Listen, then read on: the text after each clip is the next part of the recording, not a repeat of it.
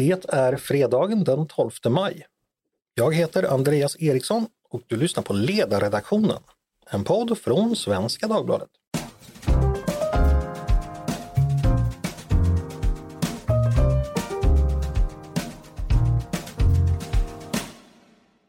Varmt välkomna! Hoppas att fredagskänslan så smått har börjat infinna sig hos er. Hoppas att ni hunnit lapa i er lite av majsolen som skiner. I alla fall här över Västra Järnvägsgatan i Stockholm. Några som inte bara smakat lite på nämnda sol utan marinerat sig i dess välgörande strålar. Det är mina kollegor som jag har med mig idag. Och de heter Peter Wennblad, Paulina Neuding och Tove Livendal. Varmt välkomna! Tack, så mycket! Tack! Peter, hur är läget med dig? Jag är lite lätt solbränd faktiskt, mm. Värmande strålar. Jag har varit ute på landet, jobbat från landet hela veckan. Ja, alltså, jag tänkte så här, när jag pratar med dig då känner jag mig alltid lite tvingad att vara som Loket på 90-talet när folk ringde in, att liksom kommentera något lokalt om ja, men hur är det i Visby och hur, hur är läget inför Almedalen. Eh, förstår du vad jag menar? Ja, jag förstår vad du menar. Det, men du behöver, inte, du behöver inte, det är ungefär likadant här som på alla andra platser i Sverige. Ja, Okej, okay. ja, det, det borde Loken ha vetat. Lite, lite bättre, men... Lite bättre. Eh, ja, Tove, hur är det med dig? Ja, men det är bra. Tack för att du frågar. Jag får ju nu en chans att berätta att jag har tagit årets första dopp. Mm -hmm. Minsann. Varför det? Eh, vi var på redaktionsledningsinternat just och det brukar, det brukar bli så att agnarna måste skiljas från vetet då. Och jag brukar tillhöra dem som hoppar i och det var sex grader i Östersjön. Mm. Det låter härligt höll jag på att säga, men det kanske inte var så härligt. Ja, men det är ju det. Alltså, det är ju en plåga att komma ner i vattnet, men man går ju väldigt snabbt upp och då kommer värmen eftersom luften ju är väldigt mycket varmare än vattnet och sen får man den här endorfinkicken och inte minst kapitalet att skryta om detta sen oförblommerat i sociala medier och på alla möjliga håll. Men då måste jag ju sticka in här Andreas, att när jag var tidningschef på Gotlands Allehanda då hade vi ett årligt evenemang som heter Vårdoppet. Då mm. badade man den första april. Oj då. Då, var det, då var det ungefär lika varmt i vattnet som i luften. Fantastiskt. Gotlands Allehanda måste ju ha tjänat massor med pengar på den tiden och ökat sin upplaga. Eh, Tove, redaktionskonferens. Eh, vad gör man på en sån? Eller redaktionsledningskonferens till och med? Absolut. Jo, men då sitter man och tar ut lite större eh, riktmärken framåt. Vi är ju i en ganska hårt prövad bransch och eh, den som inte tar sig framåt kommer att sjunka. Så att mm. vi har planerat både på kort och lång sikt. Mm. Men ta med det här tipset från Peter Wennblad då, att eh, vinterbada redan den första april, så då går det bättre för tidningen. Vi ska ta det under övervägande. Paulina, hur är det på din front? Det är mycket bra. Vad härligt att höra. Vad har du gjort i veckan? Jag har bland annat varit på studiebesök. Det får mm. man göra på den här arbetsplatsen. Man får gå ut i verkligheten och eh, förkovra sig och lära sig nya saker. Och studiebesöket var vad då? Precis, jag fick eh, komma till Djurgårdsskolan mm. som är en liten skola med förskoleklass till årskurs tre eh, som gör en väldigt bra sak, nämligen de lär barnen skrivstil. Mm. Så jag var inne i en årskurs två med en massa barn som satt och skrev jättefint om fjärilar och de, jag fick prata länge med deras eh, mycket kloka fröken Katarina som hade mycket tankar om eh, betydelsen av att få göra precis det och sitta djupt koncentrerade och skriva fint. Det låter som att eh, du hade en liten tidsmaskin och åkte tillbaka till 1932. det var det var väldigt idylliskt faktiskt. Hörni, eh, det är dags att dra igång med, med våra ämnen. Eh, det har som vanligt varit full fart på politikerna i veckan, så vi ska försöka hinna med så mycket som möjligt. Då tänkte vi skulle börja lite på, på skolfronten faktiskt, eller fortsätta på den, eh, som då eh, Paulina redan har öppnat.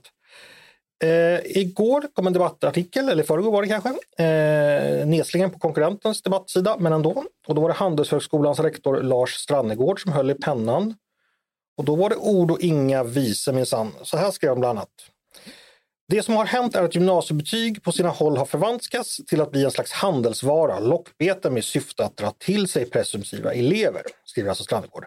Och säger att betygen från gymnasiet inte längre kan användas som urvalsinstrument om det fortsätter så här. Istället så överväger då Handelshögskolan eh, att överge det nationella antagningssystemet och införa egna antagningstester. Paulina, du skriver om det här. Eh, du skrev väl om det eh, ja, så, fort, så fort det hände. Vad, vad skrev du?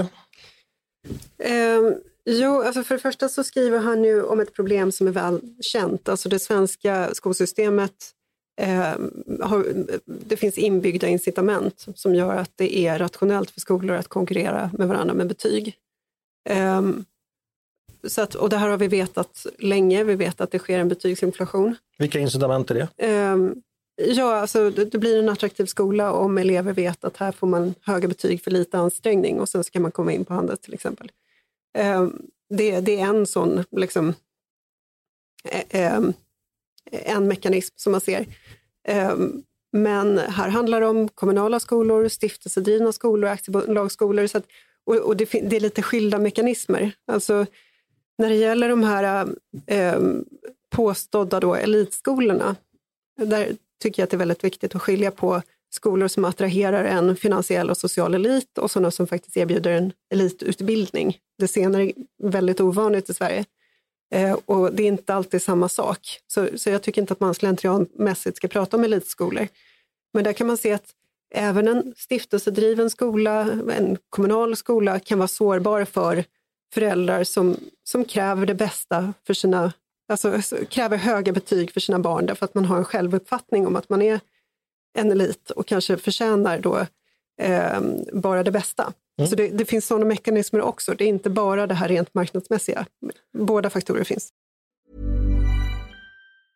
Hej, jag Ryan Reynolds. Recently, I asked Mint Mobiles legal team if big wireless companies are allowed to raise prices due to inflation. They said yes. And then when I asked if raising prices technically violates those onerous two-year contracts, they said, what the f*** are you talking about, you insane Hollywood ass?"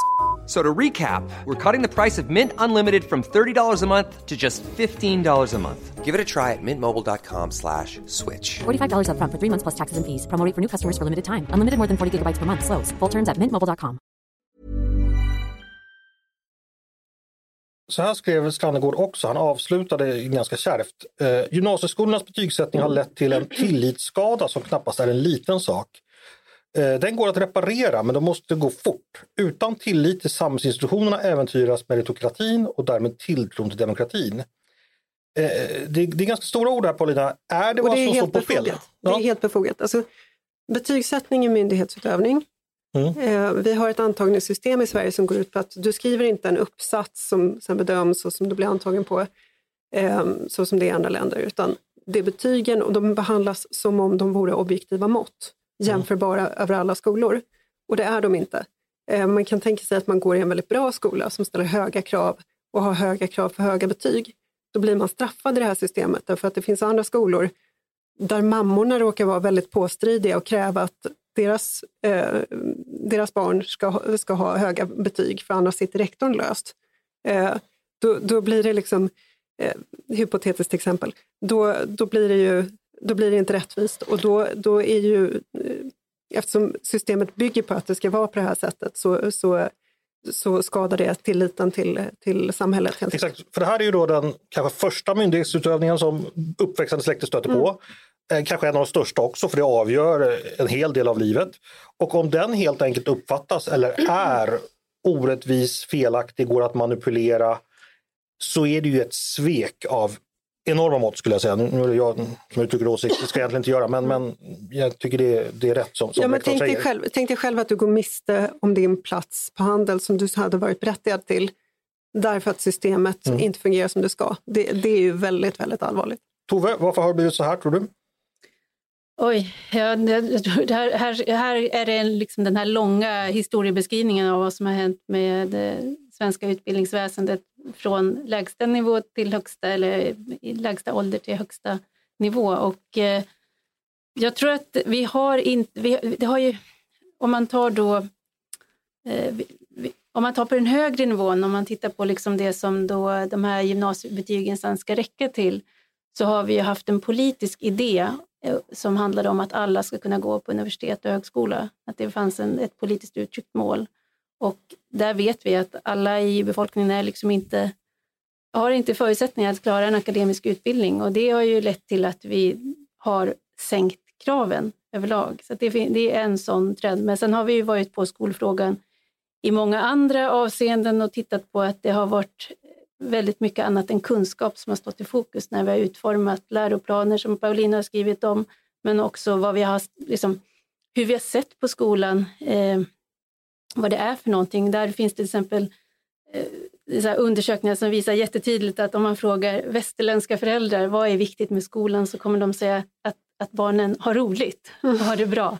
Medan man frågar till exempel asiatiska föräldrar, det är att de liksom ska prestera väl och liksom kunna ta sig vidare. Och det är klart att alla de eh, delarna som finns runt skolan kommer att påverka utfallet av den. Den här lilla detaljen att vi uttalat vill att skolor ska konkurrera om elever och där dessutom finns ett incitament att vissa skolor drivs av företag som tjänar pengar på att få fler elever och just betyg anses vara en del av den produkten som så att säga levereras.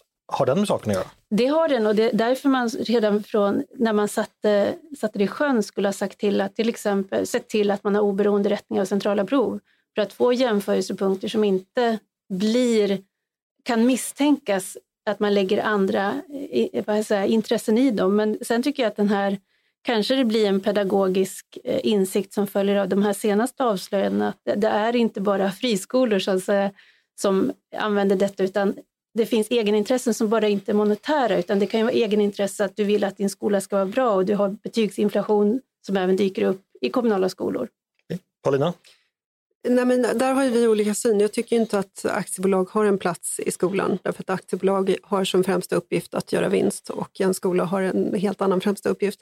Men eh, som sagt, alltså det här problemet kan inte isoleras kring frågan om vinst eller inte vinst och vi hamnar väldigt lätt där i debatten. Och Tove är inne på något jätteviktigt. Alltså, jag tror inte vi förstår, eh, vi som är inne i det, hur otroligt flummig den svenska läroplanen är. Alltså, Eh, det finns inte tillräckligt tydligt angivet vad eleverna ska kunna egentligen. Om man då jämför med, med England, jag har roat mig med att beställa hem böcker eh, som eh, utgår från den engelska läroplanen. Vad exakt ska du kunna i olika årskurser? Det är alltså, skillnaden är fullständigt gigantisk. Det är väldigt, väldigt tydligt angivet exakt vad eh, eleverna ska kunna för någonting. Så att eh, det här flummeriet kan inte underskattas, den effekten det har. Mm. Vi släpper in Peter innan han sitter och somnar till alldeles. Eh, vems fel är eh, den här betygsinflationen som handelsrektor varnar för?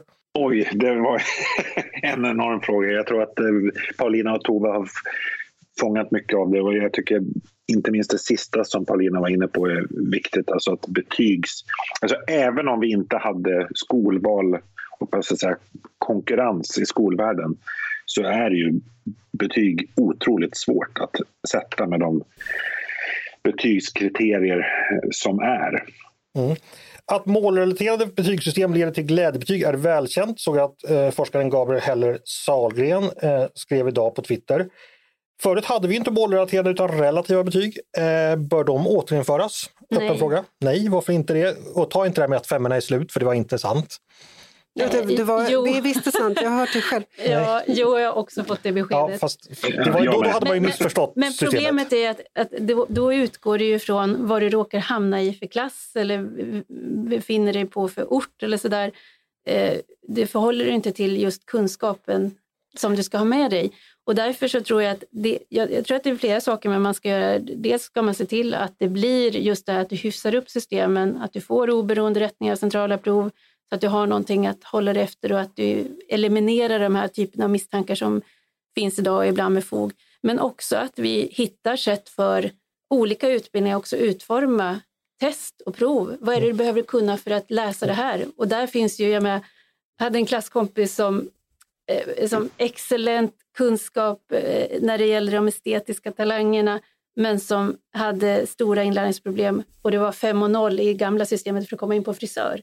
Vilket är en orimlighet att du ska mätas på, på den teoretiska kunskapen för att kunna visa prövningen för ett praktiskt yrke. Så den sortens eh, så här, missmatch borde man ju komma till rätta med också. Mm. Jag ska bara lägga till det här om, om när det gäller det relativa betygssystemet. Det var aldrig meningen så att varje klass skulle ha den här fina eh, bell-curven utan det var meningen att hela elevpopulationen skulle ha det. Sen är det möjligt att det missuppfattades av många lärare och att man då påstod att femmorna var slut men, men så var det ju inte tänkt. Eh, det blir inte alltid som man har tänkt. det blir inte alltid som man tänkt. Nej, det, det, det systemet hade sina fel också.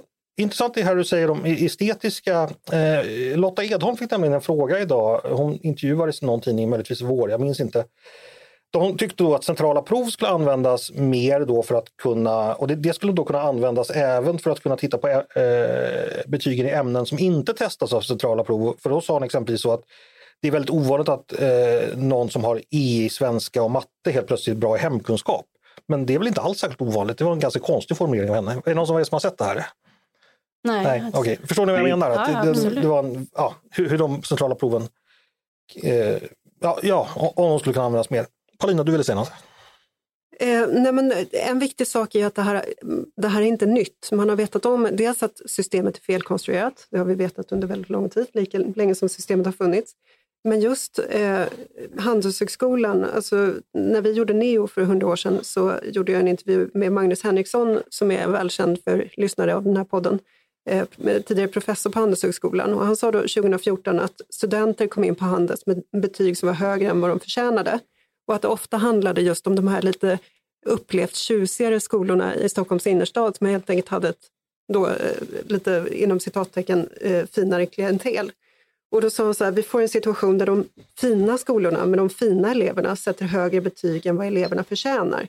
För det är klart att våra ungar ska komma in på de mest prestigefyllda utbildningarna. Så när jag läste upp det här eh, citatet igår när jag pratade med Handelshögskolans rektor Lars Strannegård så sa han att ja, det är precis det här han pratar om.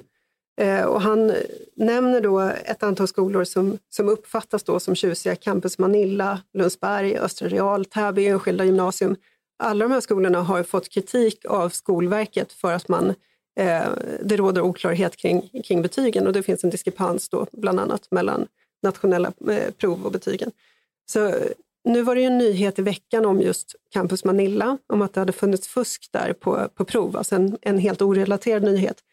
Och då skrev en massa tidningar eh, oreflekterat om elitskolan Campus Manilla. Och det, jag tycker man ska vara försiktig med det, för Sverige har väldigt få elitskolor i liksom akademisk mening, att det är spets. Men, men, då, men gott om skolor som samlar, samlar någon slags social elit. Mm.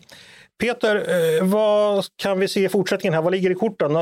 Nu går ju ändå Handelshögskolan som då är en, en känd elitskola ut och eh, ja, minst sagt liksom, eh, höjer ett varningens finger och väldigt många verkar ju hålla med. Är vi på väg? Ja, hur ska politikerna helt enkelt komma vidare? Hur ska de lösa det här? Alltså, vår frånvarande kollega Mattias Svensson har ju en intressant text på måndag om att alltså det är lätt att se det här som ett misslyckande att, att Handels eh, överväger att införa någon slags intagningsprov men att det faktiskt kan vara en, en väg som är värd att pröva för fler eh, utbildningar. Just för att alltså, vad politiken än gör, det är, det är väldigt svårt att åstadkomma eh, likvärdighet i betygssättning. Eh, oavsett om de är relativa eller målstyrda. Och i grunden handlar det också om att så det är väldigt svårt att åstadkomma likvärdighet i skolan, alltså i utbildningen. Mm. Men Peter, nu får jag bara säga emot dig lite, för nu beskriver ändå Lars Strannegård en utveckling som har kommit. Det är inte så att det alltid har varit ett jättelikt problem som det är idag, utan tolkar man honom rätt så är det här ett problem som har växt sig större och större. Det innebär att det funnits en tid då det inte har varit ett lika stort problem. Så att du framställer det nästan som, ja det är jättesvårt, men, men om det inte alltid varit ett problem så borde man kunna återgå till ett läge där det inte alltid är ett så stort problem i alla fall. Ja, men jag tror att det finns en del i det som, en del av förklaringen ligger i det som Tove tog upp, nämligen att idag jämfört med för 25 år sedan så är det så många mer, eller så många fler som går högre utbildningar. Så den här, eh, hade, vi, hade vi haft lika många som, som läste högre studier för 25-30 år sedan så tror jag en, åtminstone en del av den här problematiken hade funnits redan då. Okej, eh, vi ska gå vidare men vi ska stanna inom utbildningens underbara värld. Då gäller det ett beslut från regeringen som ni har säkert hört talas om. Att man har bestämt för att ändra mandatperioden för eh, externa styrelsemedlemmar i universitetens styrelser. Som alltså utsätts av regeringen. Idag är det tre år, eh, det ska bli 17 månader. Orsaken är att regeringen vill få in mer säkerhetspolitisk kompetens i styrelserna. Detta har väckt skarp kritik. Rektorerna för drygt 30 universitet och högskolor, och det är nästan allihopa, har skrivit ett brev till regeringen där de protesterar. Så här skriver de. Beslutet kan inte annat än tolkas som ett misstroende mot de nuvarande styrelsernas kompetens och den rådande processen att utse dessa. I förlängningen riskerar beslutet att utgöra ett hot mot lärosätenas självständighet och därmed möjligheten att kritiskt söka ny kunskap, följaktligen ett hot mot den akademiska friheten. Eh, så det är så att regeringen och utbildningsministern eh, Mats Persson kritiseras alltså av en ganska enig akademi, men samma Mats Persson får stöd av Svenska Dagbladets ledarsida och Tove som har skrivit om det här i veckan. Eh, Tove, varför är det här rätt? Mm, jag skriver inte att, det här, att jag vet om det här exakt är som den, den, den här åtgärden som nu föreslås. Dels så tycker jag inte att det är en, en, en jättestor sak. Inte, det är inte det är inte så att demokratin hotas av detta utan det här är, det är statliga myndigheter, det finns ett utnämningsförfarande till, till styrelserna som regeringarna, som, oavsett vem de sitter då, har en del i. Eh, och det här är liksom ett, en del av styrinstrumentet och det som föranleds nu av att Mats Persson går ut är att han säger att vi har ett liksom exceptionellt annat förändrat säkerhetspolitiskt läge och vi behöver se över kriterierna för liksom, kompetensprofilen för personerna som ska befolka universitetens styrelser. Och jag tycker att det, den frågan i sig, alltså, den är på allvar. Den är riktig och den är viktig och det finns, eh, ja, i min text tar jag upp exempel på där eh, man kan se att universiteten inte riktigt har reflekterat över vad Kinas förändring under Xi Jinping har inneburit i kombination med en extrem offensiv politik som har handlat om att liksom, använda universitet för att skaffa sig mer eh, kunskap och makt. Så jag tycker att Mats Persson gör rätt som står, kvar i det här. Sen blir det ju så när man tittar på hur universiteten argumenterar, för här uppfattar jag att det här blir liksom Frågan blir liksom använd som någon slags proxy för att man överlag funderar på vad händer med Sverigedemokraterna i regering och är vi på väg mot ett Ungern, är det här första steget eller sådär? Eh, det, det, det, är en, det är en separat fråga, men eh, när universiteten då så tar i och säger det här är vårt oberoende och sådär. Det är inte oberoende säger jag då eftersom ni är statliga myndigheter. Vill ni ha ett oberoende då är det bättre att följa, ta upp den handsken som den tidigare borgerliga regeringen har kastat som har handlat om att göra universiteten verkligt oberoende, både liksom finansiellt och är man det finansiellt så kan man också stå, så att säga, strunta i vilka regeringar som sitter där. Men den, det har ju svenska universitet inte varit intresserade av att göra. Mm. Eh, så att här finns det ju någonting som tycker jag skorrar i hur universiteten argumenterar. Eh, du, pratar en del, eller du skrev ju en del om Uppsala universitet och rektorn där, eh, Anders Hagfeldt, har också inkommit med en replik som publicerades idag. Han skriver bland annat Tove Livendal har rätt i att det är viktigt att ta säkerhetsfrågorna på allvar, men jag vänder mig starkt mot bilden att svenska lärosäten skulle vara naiva. Internationella kontakter bedöms från fall till fall. Eh, ja, vad tänkte du om hans, hans svar när du läste det? Ja, jag, jag tänker, eh, dels så får jag, tänker jag att jag ska återkomma i en längre artikel om just det här med vad oberoende eh, innebär. Men Jojje Olsson som jag har gästat oss i podden tidigare som är Kina-analytiker, han har ju påpekat att vi under lång tid har haft den här kunskapen tillgänglig. Sen har både medierna varit dåliga på att plocka upp det. Eh, det är liksom först, han, han skrev häromdagen i sociala medier att det är först när till exempel Säpo eller eh, eh, Totalförsvarets forskningsinstitut som skriver det i en rapport, då reagerar vi journalister också. Så här finns det kanske en hemläxa för oss att göra också. Men, men också att universiteten, det, det finns en aningslöshet här. Och det är klart att eh, man, det, jag tänker att det är kanske som när man eh, jag, jag, har suttit och tittat lite grann också på hur, hur man har uttryckt sig kring de här samarbetena och eh, det har ju funnits en, en vilja att verkligen se att nu händer det jättemycket i Kina. De tar verkligen position och här är en potentiellt fantastisk partner som har jättemycket pengar, resurser, personella, eh, ja, personell resurser helt enkelt. Så att det har varit lätt att förstå varför, eh, varför svenska universitet har varit så lockade av det. Och det är också så att inom väldigt många forskningsområden så behöver du jobba tillsammans för att få och nå stora forskningssamarbeten. Men här behöver ju, precis som vi nu omprövar beroendet av Ryssland och energifrågan till exempel, behöver se att om det här samarbetet och ömsesidiga beroendet kommer, om den andra partnern har en helt annan idé om, om vad man ska göra med den kunskap man får, då kanske det samarbetet behöver omprövas. Mm. Eh, vad säger ni övriga som har följt den här frågan och, och läst vad Tove skrivit och, och så vidare? Paulina, tänker du som Tove? Ja, men det är helt uppenbart att det här har blivit en proxydebatt som handlar om att eh, delar av svensk offentlighet går nu och väntar på att kunna säga att Sverige håller på att bli som Ungern. Mm. Och sen så tar man varje givet tillfälle att säga det och ropa vargen kommer på ett sätt som är helt oförlåtligt. Okej, okay, så det, det, det är huvudsakligen så vi ska förstå det, någon sorts politisk logik bakom det hela? Ja, precis. Eh, Peter, har du någonting att tillägga i frågan? Nej, jag har uh, samma uppfattning. Uh, jag tycker att det här är en ordentlig överreaktion från de här Alltså det, här är en, det är en till, det sa inte du här i inledningen Andreas, men det är väldigt riktigt. Det här är alltså en tillfällig förändring av mandatperiodens längd. Eh, som handlar om att alltså, de här nomineringsprocesserna är ganska långdragna. Så alltså, får man inte in säkerhetspolitisk kompetens i styrelserna nu då kommer man inte få det förrän om tre år. Eh, och det är ju liksom eoner av tid i det säkerhetspolitiska läge vi är. Så att, jag tycker det här är närmast en förändring av närmast administrativ karaktär. Närmast kosmetisk eh, natur, tänkte jag skulle säga. Okej, okay, men eh, vad bra. Jag kan säga så här att vi kommer följa upp det här ämnet redan nästa vecka i podden, så håll utkik eh, efter det så ska vi fördjupa oss ännu mer. Introducing Wondersweet from Bluehost.com. Website creation is hard. But now with Bluehost, you can answer a few simple questions about your business and get a unique WordPress website or store right away. From there, you can customize your design, colors, and content. And Bluehost automatically helps you get found in search engines like Google and Bing. From step-by-step guidance to suggested plugins, Bluehost makes WordPress wonderful for everyone. Go to bluehost.com/wondersuite.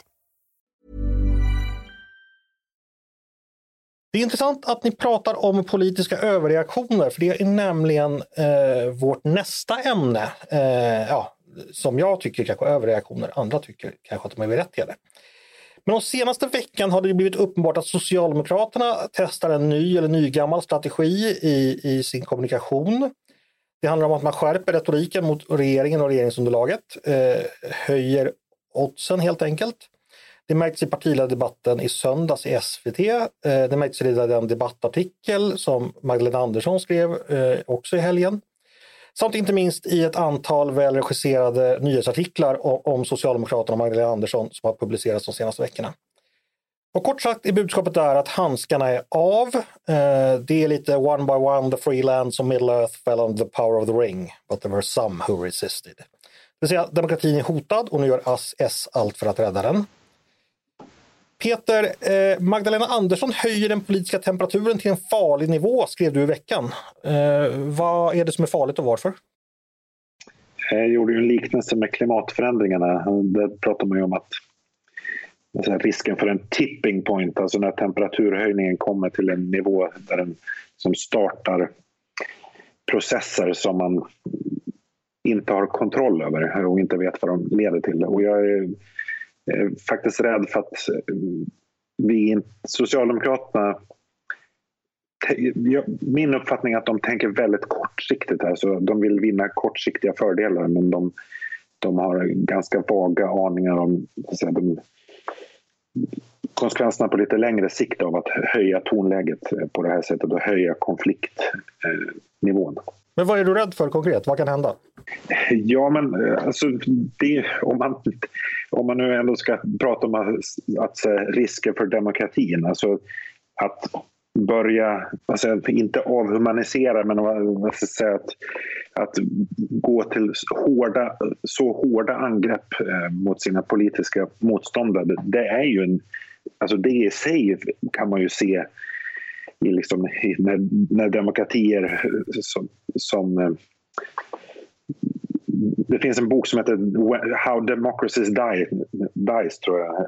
Alltså hur, det är ju en del i hur, liksom, hur demokratier kan monteras ner inifrån. Det är ju, tonläget är ju en del i det och konfliktnivån. Alltså när man inte klarar av att längre föra ett, ett vuxet konstruktivt samtal eh, med varandra. Nu, nu är jag lite elak på dig Peter, men jag sammanfattar det med så här att när Socialdemokraterna varnar för att demokratin är hotad, då hotar de demokratin. ja, det var, det var det jag befarade att du skulle, att du skulle sammanfatta det så. Jag tror ju inte att demokratin är hotad, men jag är orolig för, för de konsekvenser som vi inte vet vilka de blir av det här, det här konfliktnivån. Paulina, kan man utesluta att Socialdemokraternas oro är genuin? Det beror på var i partiet man tittar. Jag tror att det går att skrämma upp folk helt ordentligt eh, med den här typen av retorik genom att säga att eh, det finns bara en legitim politisk kraft i Sverige och utmåla antingen regeringen eller när den är opposition som illegitim, som man har försökt göra. Eh, men då, då frångår man ju på något sätt också ett normalt politiskt samtal och mm. det är klart att det är farligt. Eh, och jag menar, det pratas mycket om att eh, Magdalena Andersson har pratat med Anne Applebaum som absolut inte är något facit i de här frågorna. Anna Anne Applebaum har en ganska, eh, tagit ganska extrem ställning i en massa eh, frågor, bland annat då kring, kring migrationen som uppenbarligen, det, det är en person som inte eh, som jag ser det, ser hur den konflikten har spelat ut i Sverige. Först en extremt hög invandring eh, från 10 till 20 procent utrikesfödda inom loppet av 20 år eh, och, och, inte förstår vad det har fått för effekter när, när opinionen inte har varit för en sån sak. Mm. Eh, sen så tänker jag på en annan sak. Alltså, tänk om det hade varit, tänk för ett ögonblick att det hade varit Jimmy Åkesson som sa då tycker jag du ska vara tyst till Magdalena Andersson i en debatt. Som hon sa i söndags? Ja, alltså det hade ju gråtits eh, floder på, vi hade inte pratat om någonting annat. Det hade varit slutet för den svenska demokratin på varenda, på varenda kultursida, på varenda ledarsida. Socialdemokraterna ägnade så mycket tid åt att prata om Sverigebilden när människor började oroa sig för det här med att det sprängs bomber varje vecka i Sverige. Det fick man inte prata om, det var Sverigebild. Man ska inte prata om det utomlands för det var jättefarligt. Men nu, nu går man runt och pratar om att liksom den svenska demokratin inte är fullt fungerande längre. Så det, det handlade aldrig om Sverigebilden, det handlade om Socialdemokraterna-bilden och det är, det är otroligt lågt och farligt. Jag släpper in Tove här. Vad, vad, tänker du om det Paulina och Peter säger om Socialdemokraternas nygamla retorik? Ja, men det är ju, tycker jag, väldigt illavarslande. Jag tror det var våran eh, tidigare politiska kommentator Göran Eriksson som nu befinner sig i USA som skrev en analys om att Eh, Eh, Magdalena Andersson använder Bidens ord om, när hon talar om vårt lands själ står på spel. Och det gör hon ju, men hon använder ju samtidigt också Donald Trumps förhållningssätt till liksom motståndare och verklighet. Och, och jag vill ju inte ha hit den amerikaniseringen av svensk politik. Eh, och nu får, ser jag liksom eh, en, en ständigt klok röst, Vidar Andersson på Folkbladet, som sitter och försöker förgäves säga till sina partikamrater att ni vet att att liksom motståndarna är inte odemokratiska lögnare, att styra landet och kommunerna är inte fascism, det är mm. liksom demokrati. Och där finns ju en slags ovilja att acceptera att ett, ett parti har vuxit sig starkt, fått 20 procent av väljarstödet och är, ingår i ett regeringsunderlag. Det är så demokrati fungerar. Det kan bli ett utfall av det. Mm. Eh, och, och det, där finns ju en ovilja. Och jag förstår ju inte heller, jag tror det var Peter som sa det när vi pratade om det på något något internt morgonmöte någon gång att vad är, vad förvänt, vilka väljare ska man förvänta sig vinna eftersom de man har förlorat har gått till SD i stor mm. utsträckning. Det var en fråga, vi tog nämligen upp det här i podden igår och då hade jag Stickan Ljunggren och Lotta Ilona Heirunen som gäster, båda socialdemokratiska eh, ledarskribenter. Och vad som sades då var väl kanske inte att det var inte liksom marginalväljaren som hoppades man skulle vinna över. Däremot handlade det om att eh, stärka och tala till den inre gruppen, alltså de egna väljarna som tror, men också till människor ute, liksom, akademiker i storstäder liksom, som kanske är, har en känsla, som skulle kunna dela den här oron. Liksom. Sådana grupper och sådana, sådana som är verksamma inom, inom fackförbund och folkrö, folkrörelser och folkbildning och så vidare. Att där, samt eh, som Stickan uttryckte att vrida om kniven så mycket det bara går inom Liberalerna. Och eh, mm. så är det såklart. Eh, Men det är, ja. också, alltså det är att lämna även de sina sticket och säga att vi har inget att erbjuda er förutom rädsla och skräck. Vi har ingen konkret politik. Det är inte så att vi säger att här vill vi att Sverige ska vara, det här är vårt politiska projekt, utan det enda vi kan göra är att skrämmas med någonting som delvis ligger utom vår kontroll. Ja, men det sades faktiskt också igår i podden, att, jag tror det var Lotta som sa det, att man vinner ju inte val bara på att skrämma med den andra, man måste ju ha någonting annat också. Eh, Paulina, du ville säga något? Man kan göra det väldigt obehagligt för liberaler nästa gång de är på ett mingel. Alltså det, det, underskatta inte effekten av det. Det handlar inte bara om väljare, det handlar om att det ska vara jobbigt för liberaler att gå runt bland sina kamrater i Europaparlamentet. Det, mm. liksom, um, det, det, finns liksom en social skam, skamfaktor kring de här frågorna som inte är att underskatta. Ja, och som liberal tycker jag alltid är obehagligt att vara på mingel. Mm. Eh, Peter, eh, lite mer input från... Ja, just det. Hur tror du, funkar det här på något vettigt sätt eh, politiskt för Socialdemokraterna? Nej, jag är inte så säker på det. Ehm, alltså, en slutsats i Socialdemokraternas eftervalsanalys var ju just att vad säger, feedbacken från partiorganisationen var att det här med att skrämmas med Sverigedemokraterna, det funkar inte i valstugan. Alltså, när du träffar väljare i det liksom politiska fotarbetet så måste du ha konkreta politiska förslag eh, att presentera och argumentera för. Eh, jag skrev idag om om just det här att jag har svårt att se hur... Jag förstår att liksom Magdalena Andersson går igång på den här eh, retoriken men jag har svårt att se att den funkar liksom för den lokala partiorganisationen i, i Ulricehamn, alltså i det lokala politiska arbetet. Där är ju dina politiska motståndare, det kan ju vara, de kan ju bo i samma trappuppgång, man är, träffas på föräldramöten och på ICA och på, eh, med i samma föreningar och sånt där. Så det, är en, det här går helt på tvärs med den lokala, alltså både det svenska konsensuskynnet, vi gillar inte, svenskar gillar inte hög konfliktnivå. Och hög konfliktnivå fungerar heller inte i en lokal politisk kontext utan det funkar på Twitter och i tv.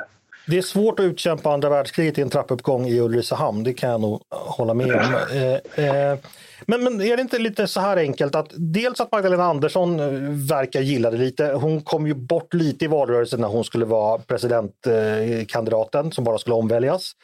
Eh, och så, man har ju, det är ju långt till valet, man har bra opinionssiffror. Man kan väl testa det här ett tag och se hur det går. Det kan inte vara så enkelt. Nu kanske jag är cynisk, men att och så ser man, och, och, grejen är att hoppet att, att Liberalerna ändrar sig och byter lag, det lever ju förstås fortfarande. Det står ju 51-49 till, till liksom ena sidan där, men det kan ju, det kan ju växla. Så att, för mig är det inte jättekonstigt om man testar det. Eller vad säger du Peter? Nej, jag, ty alltså, jag, inte, jag tycker inte att det är konstigt, men jag tycker att det är väldigt eh, kortsiktigt och självupptaget. Men ni vet ju att när vi kommer till valet 2026 så kommer ju ingen år 2023 ha sagt att demokratin var hotad eller något sånt Det, är ju, mm. det, det, det, kommer naturligtvis ha, ha, ha glömts bort då. Eh, det frågade jag för övrigt mina socialdemokratiska gäster om igår. Tror ni att det blir val igen 2026? Och det, det medgav ju de att de, de, de trodde faktiskt det. Eh, ja, men, men, men eh, Paulina, du och jag som har, har liksom deltagit i såna här eh, kulturkrigsfrågor länge. Vi känner ju igen det här väldigt väl från andra mm. frågor. Vi, ja, ibland blir jag bara liksom så trött på att bara fortsätter och fortsätter. Men har du någon reflektion på hur, hur, hur, hur hanterar man det bäst när, när ens motståndare så att säga löper amok på den här typen av, av retorik? Nej, men ibland så går vi tillbaka och tänker på det här med allting som någon gång har varit fascism i den svenska offentligheten. Du nämnde förra veckans podd att för, för bara några månader sedan så fick man plötsligt inte säga politisk vilde, för det var avhumaniserande. Ja, ja, Men det får man säga igen nu. Mm. Eh, mm. alltså, det finns en gräns för hur många gånger man kan ropa vargen kommer, tror jag, innan folk bara Fast vissa har ju hållit på med det 15-20 år. Det började man ju redan med när Folkpartiet föreslog språktester 2002. Visst, och de, de går fortfarande till jobbet på samma tidningar och jag vet inte om de inte låtsas som någonting eller hur det funkar. Mm. Jag, jag, eller ja, Eh, det är väl en fråga om status. Alltså man, man, så länge man lyckas bibehålla samma sociala status så kan man väl fortsätta säga, eh, så, så kan man väl liksom byta åsikt obemärkt. Mm. Jag tror att det är en sån fråga. Det är möjligt. Eh, ska vi summera upp lite? Tove, har du något avslutande att säga? Vad, vad, vad, vad tänker du ske framöver? Jag tänker på att de flesta som jag har hört, och det har ju varit eh, både människor som jag känner men också sådana som jag inte känner. Eh, till exempel så åkte med en en eh, taxichaufför häromdagen som hade lyssnat på partiledardebatten och eh, inte riktigt klarat av det eh, därför att han tyckte att det var sån... Ja, men du vet, det, nivån är så himla låg. Det var, vi hade ju den i söndags kväll. Eh, och eh, de, alla som har, det finns ingen som har sett den som tyckte att det var någonting positivt utan det är ju ibland som jag kan få känslan inför för, förundrat och väldigt sorgligt att USA med liksom 340 miljoner invånare, att de presidentkandidater de har lyckats få fram är liksom, herregud, ni kan mycket bättre, tänker man. Och när man ser då den här debatten, är det här det bästa den svenska politiken kan åstadkomma, då blir man ju, ja, trött är ju bara förnamnet, man blir mm. ledsen därför att nivån är så himla låg. Och jag tänker att det finns en, det måste finnas en, en gyllene möjlighet för en, alltså ett annat förhållningssätt till politiken. Jag tycker i och för sig att Ulf Kristersson, då, han kommer ju bort lite grann i sådana där skrikformat, men där, där var han faktiskt fortsatt den vuxna i rummet och höll sig till sak och, och höll sig på någon rimlig samtalston. Och jag tror att det kommer komma en större efterfrågan på det. Jag tror inte att det som Socialdemokraterna nu erbjuder, eh, att, ja, jag har svårt att tro att det finns en stor efterfrågan på det, utan tvärtom tror jag tror lika mycket som hoppas att det kommer en motreaktion. Mm. Avslutar vi ändå på en optimistisk kalufs där. Vi ska gå vidare och Tove, eh, då har du lite nyheter angående sidan eh, och bemanningen framöver. Eh, för det gäller årets sommarvikarier. Ja, Berätta! Nu blir det sommar. Nu blir vi glada igen. jo, men idag på eftermiddagen så har vi, eller förmiddagen var det precis före lunch, så berättade vi om årets sommarvikarier. Det är alltid så roligt att få göra det. Så att, det finns ännu en intervju på hemsidan med de tre som kommer och det är Henrik Dahlgard som är ja, han håller på med en master just nu i idé och lärdomshistoria. Och sen är det Linnea Dubois som kommer tillbaka. Hon var ju hos oss i fjol och hon är eh, i vanliga fall ordförande i Fria Moderata Studentförbundet. Och sen är det John Norell som doktorerar i nationalekonomi eh, vid Stockholms universitet. Som vi har hört i podden som gäst faktiskt. Precis. Så att det, nej, men det känns väldigt roligt mm. att få... Det, det är alltid... Dels är det ju... Vi är ju ganska åldersmässigt homogena i redaktionen nu. Så det, är också, det är mycket 90-talsnostalgi. Ja, det är ju det och vi har liksom samma populärkulturella referenser. Men det är alltid nyttigt när det kommer in personer från andra generationer som har liksom, liksom levt i delvis, vi har levt i olika Sverige. Mm. Ehm, så det, det ser jag mycket fram emot. Och alla passerade skrivstilstestet? det är överlåtet Paulin att kontrollera. Ja, jag trodde för ett ögonblick att Tove skulle säga att vi var ganska ålderstigna. Men det, det kanske vi är det med. Nej, det, det, det var vansinnigt. Paulina, är du nöjd med årets sommarbemanning? Eh, mycket. Det skulle bli väldigt roligt. Peter, du missade chansen i år. Kommer du söka nästa år? att bli sommarvikarie? Ja. Jag, tänkte, jag tänkte ta chansen att vara ledig. Det låter klokt. Eh, bara en sista fråga Tove. Eh, om man vill bli något så fint som, som sommarvikarie, vad ska man göra? Eh, vad ska man lära sig? Vad ska man utveckla för färdigheter tycker du för att så småningom kunna söka och bli sommarvikarie på Svenskans ledarsida? Man ska läsa mycket, man ska skriva mycket och så ska man odla en politisk självkänsla. Eh, det är det jag tycker utmärker eh, Svenska Dagbladets ledarredaktion. Att man är trygg och medveten om vad man har sina egna värderingar och så eh, kan man hantera att andra tycker annorlunda. Mm. En som har politisk självkänsla det är Peter Wemblad. Eh, för så här rubbar han nämligen en text. Eh, han som precis, precis har talat om att han ska hålla nere konfliktnivån. Han rubbar en text så här. Naturskyddsföreningen är ett klimathot. Eh, ja, det var ju des deskriptivt. Precis, det, det, var, det var inte det minsta konfliktsökande. Nej. Eh, jag tänkte först fråga, Peter, varför ska du alltid jävlas med folk? Men, men, men, men eh, nej, vad, vad, vad, vad, vad ligger bakom detta? Ja, egentligen mycket enkelt. Naturskyddsföreningen släppte en rapport här i, i veckan som i korta drag beskrev kritiken mot miljölagstiftningen och krångliga miljötillståndsprocesser som en myt. Eh, men jag menar i själva verket, och inte bara jag, utan det har ett enat näringsliv gjort i många år att de här långa, krångliga och oförutsägbara miljötillståndsprocesserna är den enskilt största bromsklossen för företagens klimatarbete. Men Naturskyddsföreningen har ju enorma problem att se, kanske inte se, men åtminstone erkänna målkonflikten. Att det, det finns en, har uppstått en målkonflikt i miljöarbetet mellan lokal miljönytta och klimatnytta, kortsiktighet eh, och långsiktighet. Och då släpper de istället en rätt bisarr rapport som försöker hävda att miljöbalken i själva verket är motorn för klimatarbetet. Och det stämmer inte? Nej, det kanske stämmer på Naturskyddsföreningens kansli men de kan fråga valfritt företag och de kommer att säga nej. Mm. Men eh, bra, och det här skrev du i veckan och eh, det kan man då läsa på sidan. Eh, vi ska gå vidare. Eh, då tänkte jag att det är dags för mitt eh, favoritmoment här i podden. Eh, det är det som heter Svar direkt.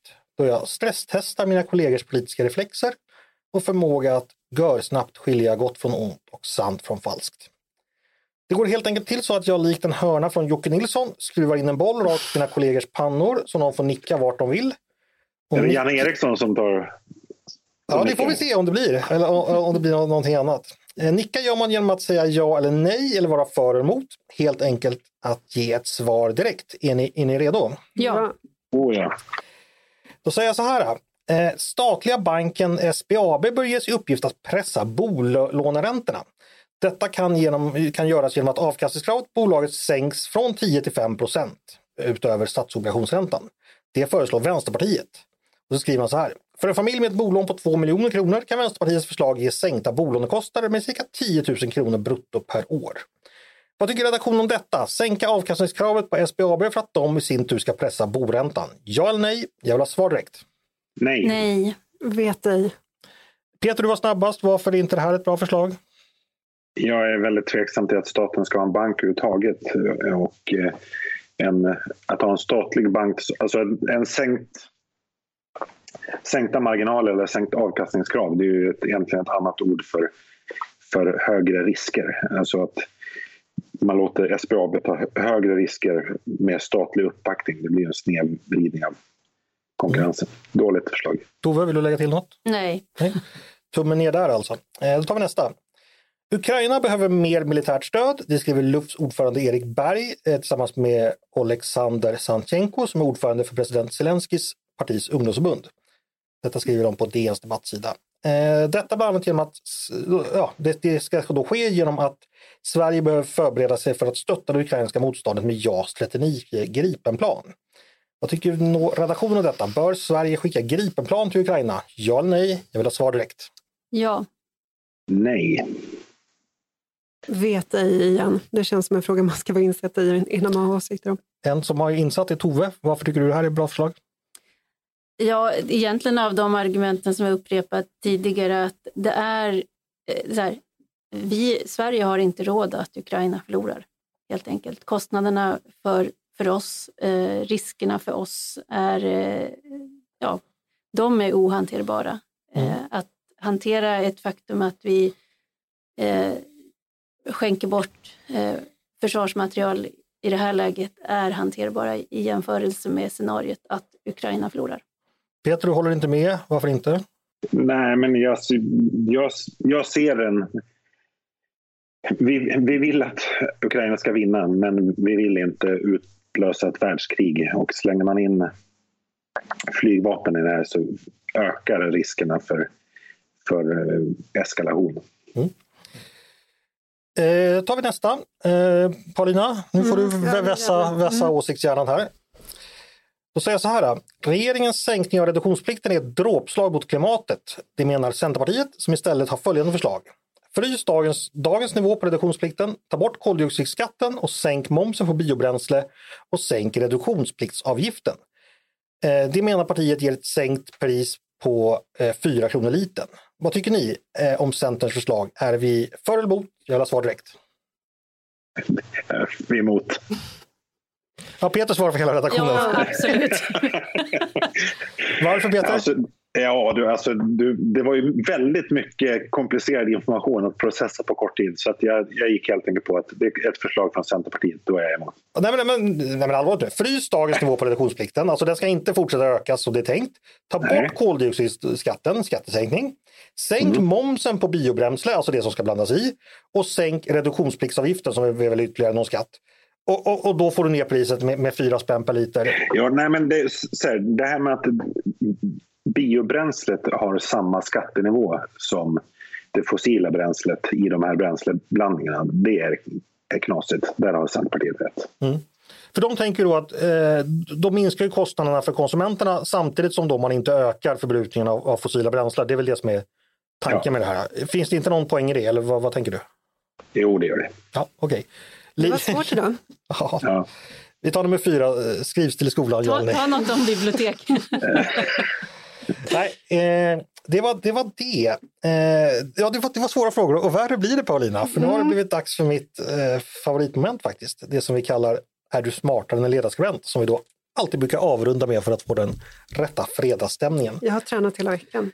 Jag har en kompis som berättar att när han lyssnar på det här så brukar han vara ute och springa och då skriker han svaren högt i spåret.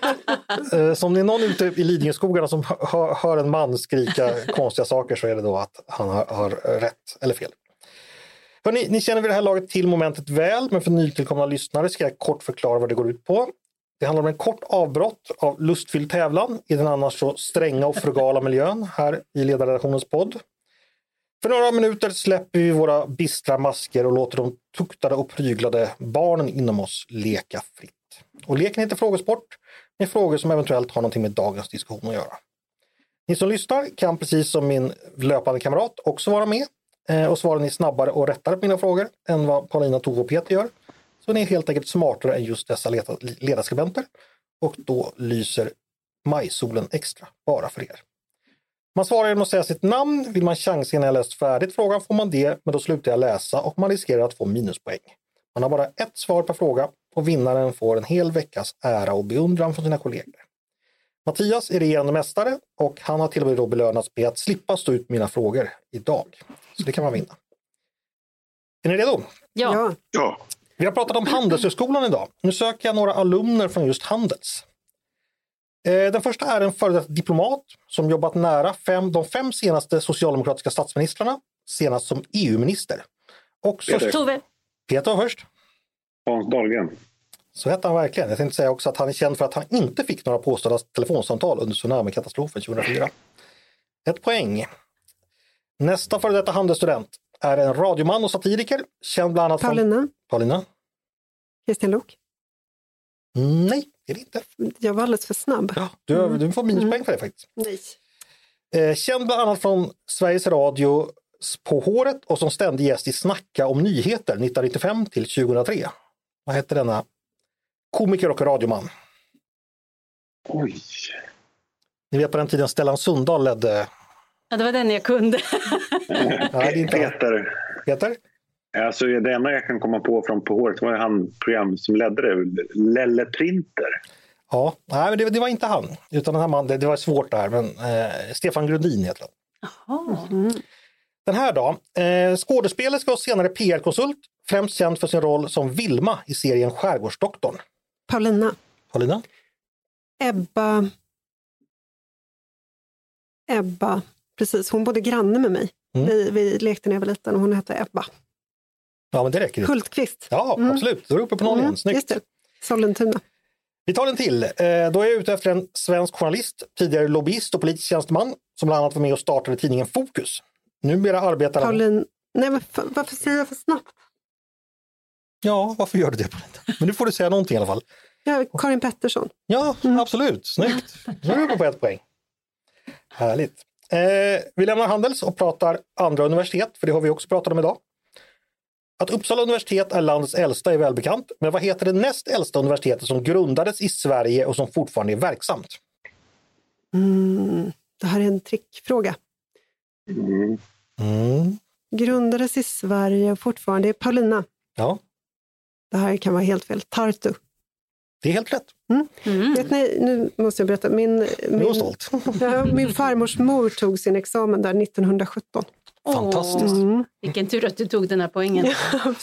Eh, då är du uppe på två poäng va? Mm. Mm. Eh, det grundades då som Dorpat universitet. Det kanske fortfarande hette så när din farmor tog, tog det rent av. Mm. För de var tyskspråkiga länge. Hörni, eh, Paulina leder då. Nästa fråga. Vad heter Sveriges yngsta universitet som blev det den 1 januari 2022? Oj. Nej, kanske Tove, man får chansa lite. Ja, chansa. Mälardalens. Helt rätt, Mälardalens universitet. Jag ska säga då att eh, Tartu universitet det grundades 1632 i eh, Estland som då tillhörde, tillhörde Sverige, bara så man förstår varför det var så. Eh, två poäng Paulina, ett till övriga. En sista universitetsfråga. Sedan 2007 är den svenska universitetsutbildningen organiserad enligt ett internationellt ramverk och samarbete. Vad heter detta? Paulina, Paulina? Bologna. Det gör du verkligen. Tre poäng, snyggt. Hörrni, i helgen är det ju val i Turkiet. Det har vi inte pratat om, men det är ju förstås av intresse för Sverige med tanke på NATO-inträdet. Och vi kommer säkert ta upp det i podden nästa vecka. Jag tänkte kolla vad ni kan om Turkiet. Under första världskriget deltog Osmanska riket på centralmakternas sida. 1915 angreps landet av en allierad styrka som landsteg men led nederlag och efter flera månader fick dra sig tillbaka. Vad hette platsen där denna olycka... Peter? Gallipoli, va? Mm, eller Gallipoli. Helt Ja. rätt. Två poäng till dig. Eh, mer Turkiet. När man vann brons i fotbolls-VM 2002 besegrades Sydkorea i sista matchen. Det första målet gjordes redan efter 11 sekunder, det snabbaste VM-målet någonsin. Vem gjorde målet? Och det är också den spelare som genom historien gjort flest mål för det turkiska herrlandslaget. Peter. Peter? Det måste ju nästan vara Sukur eller vad han heter. Ja, Hakan Syker. Helt rätt. Upp på tre poäng du också. Spännande. Eh, en sista Turkietfråga. Döner kebab är känd turkisk fast food. Men dagens moderna variant med billig döner kebab som säljs i bröd med massa olika grönsaker, det utvecklades faktiskt utanför Turkiet. I vilken stad då? Paulina, Paulina? Berlin. Ja, eller Västberlin egentligen, men är rätt. Fyra poäng. Snyggt, spännande.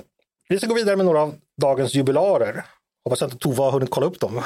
Nej, jag har inte det. Florence Nightingale föddes idag för 203 år sedan. I vilket krig blev hon berömd för sina insatser inom fältsjukvården? Peter. Peter? Krimkriget. Helt rätt. Upp fyra poäng då också. Det är dramatiskt idag. Lill Lindfors föddes 120 år efter Florence och fyller alltså 83 år idag. Många i vår generation minns henne som, från Svenska Sesam där hon spelade Miljor. Vem spelade teaterdirektören i Svenska Sesam? Aldrig hört talas om. Svenska Sesam, Sesame Street på svenska. Nej, det har jag heller inget minne av. Minns ni inte Nils Eklund som spelade Pompom? Nej. Nej. Jag trodde du skulle prata om när hon tappade kjolen. När var det? 1985. Ja, men det var inte frågan. Nej, det var Magnus Härenstam som spelade direktören. Det kunde man ju ha chansat på bara ändå. Hörni, en som eventuellt fyller 20 år idag, det är Madeleine McCann som ju försvann, tre år gammal, 2007. Eh, vad heter den populära turistregionen i Portugal varifrån hon försvann? Oj. Paulina. Paulina? Det var säkert Algarve va? Ja, det var det. Fem poäng. Slutligen, Peter, nu kan du komma ikapp här ifall du är snabb. Eh, Storbritanniens premiärminister fyller 43 idag. Vad heter han? Tove, Paulina. Peter. Tove var först. Rishi Sunak. Helt rätt. Fast Joe Biden sa Rashi när han pratade om det. got news. Sunak is now the prime minister. Rishi Sunak, Man säger så i USA. Född i, i Southampton 1980. Och därmed har vi en eh, vinnare för i eftermiddag. Tove förstörde min eh, spurt. Ja, La precis. kro, hon la krokben. Kan man inte vinna så måste man paja för andra. Men grattis Paulina, trots att du drog på dig minuspoäng. Ja, Det här var ju helt fantastiskt. Och, och, och eh, Tartu universitet. Alltså. Vilken Ja. upphämtning. ja, verkligen. Tack. Det, det känns som ni är extra snälla nu. Ja. Vilket år tog du examen därifrån? Fantastiskt. Hörni, hörni eh, ja, det är dags att avsluta. Jag tänkte bara avsluta med en eh, vanlig sån här rundfråga. Vilka håller ni på när det är Eurovision imorgon? Har ni någon favoritlåt? Tove? Ja, men jag håller på Loreen. Ja, nej, ja. Vad har folkligt sagt av dig? Paulina? Eh, jag, jag, håller, jag, jag, håller inte, jag, jag har inte koll. Du har bättre Alls. koll på 1985 års final. Ja, den var toppen. Den var toppen. Vilka vann det året? Var det Bobby Sox eller fan hette? Ja, det var Bobby Sox. Bobby Sox. Ja. Bobby Sox. Lade Svinge. Usch, usch vad jag kan saker jag skäms för nu. Peter, du, du då? Har du någon favorit i finalen i- imorgon? Jag, jag har faktiskt inte eh, sett en sekund av eh, Mellospektaklet detta år. Nej. Okej, men då ska du titta förresten? Det kan vara så. Jag har, jag har barnhelg den här helgen så det kan, det kan finnas önskemål. Det kan vara så illa. Ja, vi får se hur det går, men, men, men Tove håller i alla fall alla tummar som går för Loreen och Sverige. Eh, stort tack Tove, Peter och Paulina för att ni var med mig idag. Tack så Tack mycket. Ska du ha. Eh, det var jättetrevligt att ha er här. Och tack också till er som har lyssnat på Ledarredaktionen, en podd från Svenska Dagbladet. Ni är varmt välkomna att höra av er till redaktionen med tankar och synpunkter på det vi precis har diskuterat. eller om ni har förslag på vad vi ska ta upp i framtiden. Då är det bara att mejla till ledarsidan snabla svd.se. Dagens producent, han heter som alltid Jesper Sandström. Själv heter jag som alltid Andreas Eriksson och jag hoppas också som alltid att vi hörs snart igen.